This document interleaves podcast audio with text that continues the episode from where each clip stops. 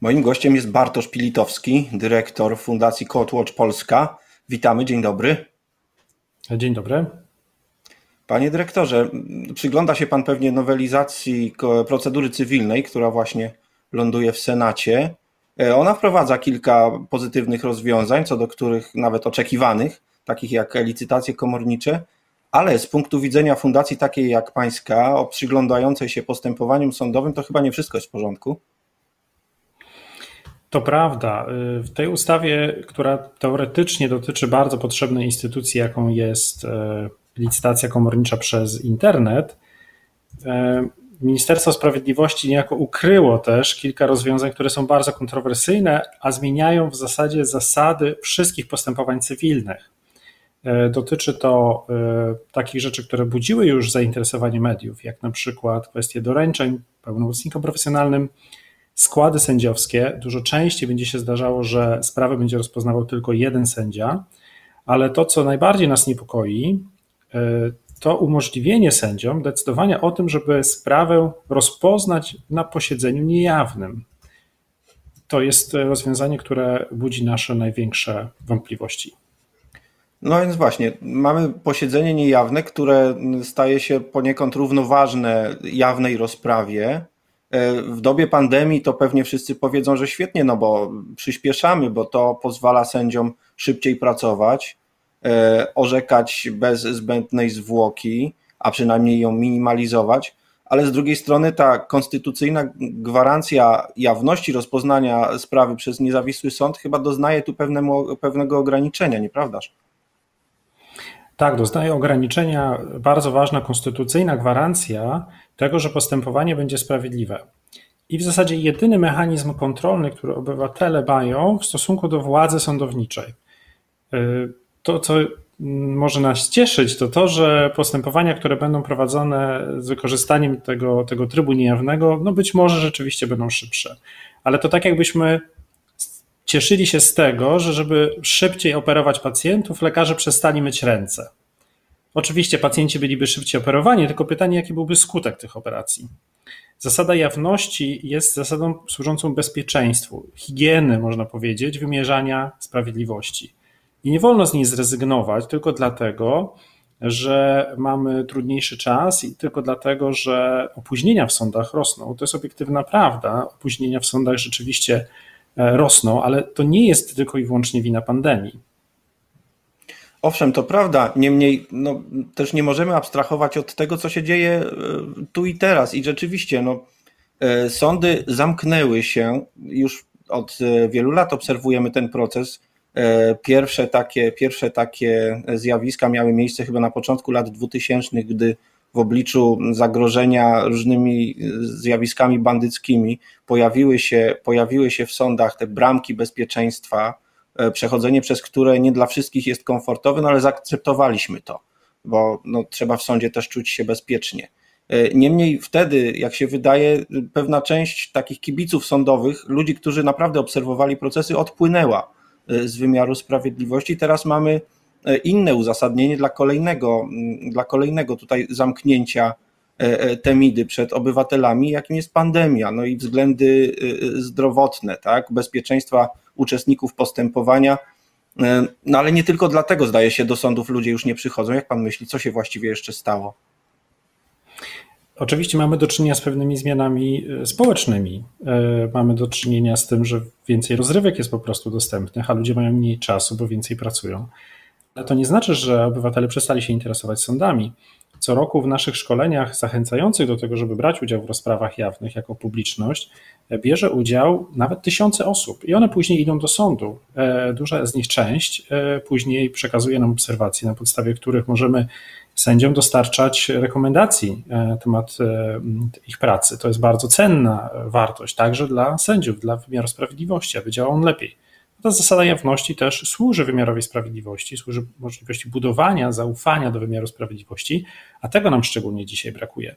Być może z tego braku zaufania, e, z tego mm, takiej, można powiedzieć, strachu przed wymiarem sprawiedliwości, wiele osób e, z tego prawa do publicznego procesu nie korzystała, a szkoda, e, bo oczywiście jest to niezwykle cenne doświadczenie przyszłości, mając proces, będziemy się czuli dużo swobodniej, dużo spokojniej, jeżeli wcześniej widzieliśmy, jak takie procesy przebiegają.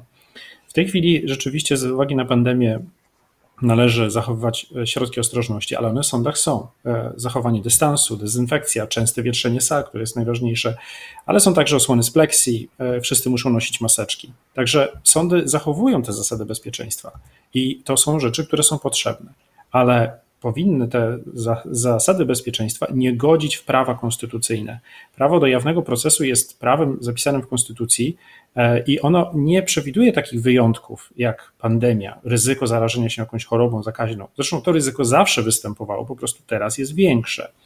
I rozumiemy, że liczba osób e, przebywających na sali e, będzie mniejsza z uwagi na to, że ze względu na te dystanse jest mniej miejsca dla publiczności, ale miejsce dla publiczności powinno być zawsze, bo bez obecności, bez możliwości wejścia choćby nawet dwóch osób, nie ma jawnego procesu tak naprawdę. I ten problem dotyka zarówno obywateli, którzy chcą w sądzie towarzyszyć osobie, która ma sprawę i po prostu z nią być, osobie, która jest po prostu zainteresowana przebiegiem sprawy, bo jest to ważna dla niej sprawa, tego typu sprawy są dla niej ważne, ale także dziennikarzy. Także dziennikarze nie są dzisiaj wpuszczani do sądów pod pretekstem pandemii. Ona nie ma prawa e, nie dopuszczać do udziału w rozprawach i publiczności, i dziennikarzy. A dzisiaj to się dzieje, na dosyć dużą skalę, bo obserwujemy to w sądach w całej Polsce. Na szczęście nie we wszystkich. Wielu prezesów zadbało o to, aby mimo tych e, różnych ograniczeń i obostrzeń, zawsze na rozprawie mógł być ktoś, kto jest przedstawicielem publiczności, e, mediów albo osobą zaufaną. Ale niestety zdarzają nam się przypadki, gdzie nawet osobie zaufanej, czyli no, można powiedzieć takiej szczególnej e, osobie dla strony, którą strona wskazuje. Skazanej na, przez stronę, właśnie. Tak jest, dokładnie. Po to, żeby nawet uczestniczyć w rozprawie, która jest niejawna i sąd odmawia tej osobie uczestnictwa, nie mając żadnej podstawy prawnej do tego, żeby podjąć taką decyzję. To jest Ale powołując się właśnie na względy pandemii, tak? To jest powołane, powołując tak, się tak, oczywiście. na względy zdrowotne. No cóż. Pozwólcie się na względy zdrowotne, ale jednak sąd powinien działać e, na podstawie przepisów prawa. Jeżeli sędzia przewodniczący e, wyłącza, można powiedzieć, działanie konstytucji, działanie ustawy, powołując się na co? Na przykład na zalecenia Ministerstwa Sprawiedliwości. Takie zalecenia nie są źródłem prawa.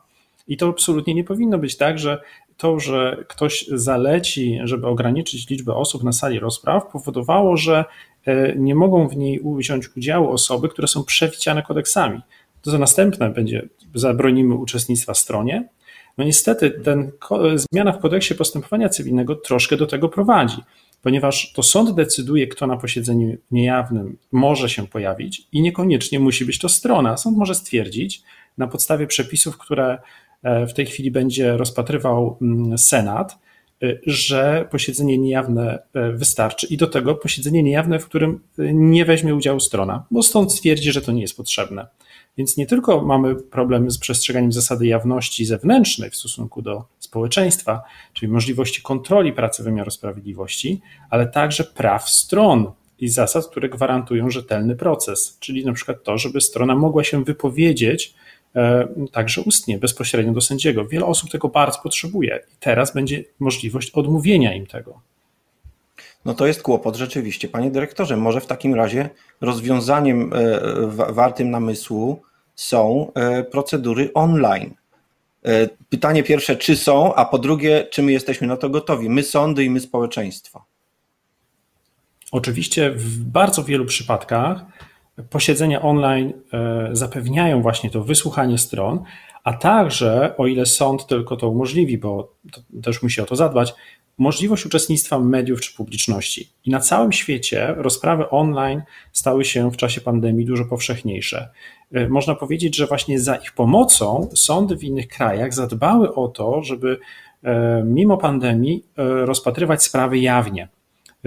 W wielu krajach nawet wprowadzono takie rozwiązania, można powiedzieć, na szybko. Na przykład dziennikarze mogli się wydzwaniać przez telefon na salę rozpraw i słuchać tego, co się dzieje, po to, żeby właśnie opinia publiczna mogła śledzić przebieg postępowań, nawet wtedy, nie, kiedy nie ma kamer, kiedy nie ma takiego odpowiedniego sprzętu. To po prostu zostawiano telefon komórkowy włączony na tryb głośno mówiący, po to, żeby dziennikarze mogli w trybie telekonferencji po prostu słuchać tego, co się dzieje.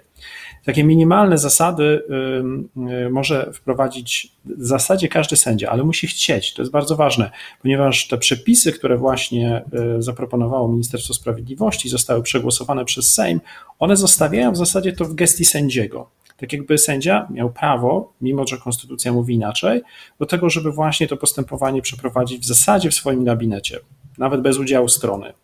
E, więc można powiedzieć, że ministerstwo trochę kusi sędziów, że pozwala tą ustawą łamać konstytucję de facto, ale ta decyzja będzie, można powiedzieć, na konto sędziego.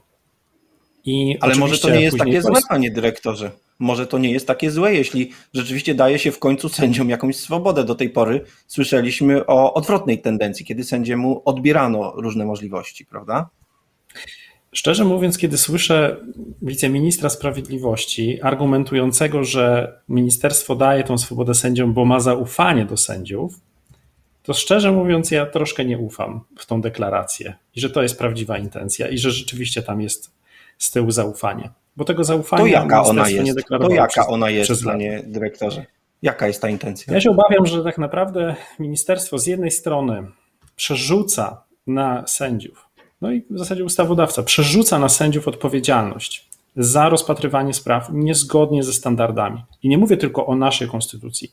Mówię także o Europejskiej Konwencji Praw Człowieka, która także gwarantuje rozpoznanie sprawy jawnie, publicznie nie dość, że przerzuca na sędziów, to jeszcze daje im, można powiedzieć, taką, to jest taka pokusa. Ponieważ oczywiście rozpoznanie na posiedzeniu niejawnym jest dla sędziego prostsze. Nie trzeba wzywać stron, nie trzeba przeprowadzać tego kłopotliwego często posiedzenia online, tłumaczyć stronom i świadkom, jak się połączyć. Można ich wysłuchać na piśmie w tej chwili.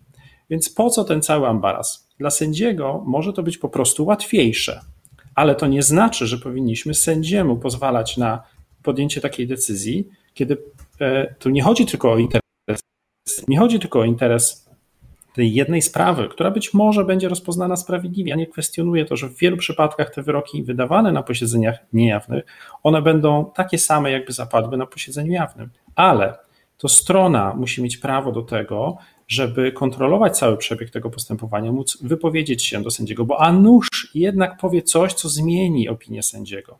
I po to są te zasady. Te zasady są też po to, żeby my, obywatele, żebyśmy mogli się przyglądać pracy władzy sądowniczej i ją kontrolować nie po to, żeby stwierdzić jakieś nieprawidłowości, ale budować swoje zaufanie. I znowu, ministerstwu na tym nie zależy, żeby społeczeństwo budowało zaufanie do sędziów. Przecież dużo było działań, które tak naprawdę podważały to zaufanie.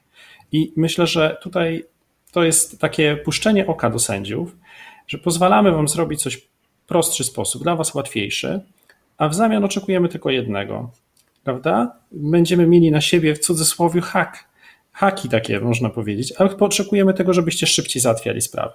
Dlaczego tego oczekuje ministerstwo? Bo ministerstwo, a w zasadzie minister sprawiedliwości, ma na swoim sumieniu te opóźnienia, bo te opóźnienia nie wzięły się tylko z pandemii.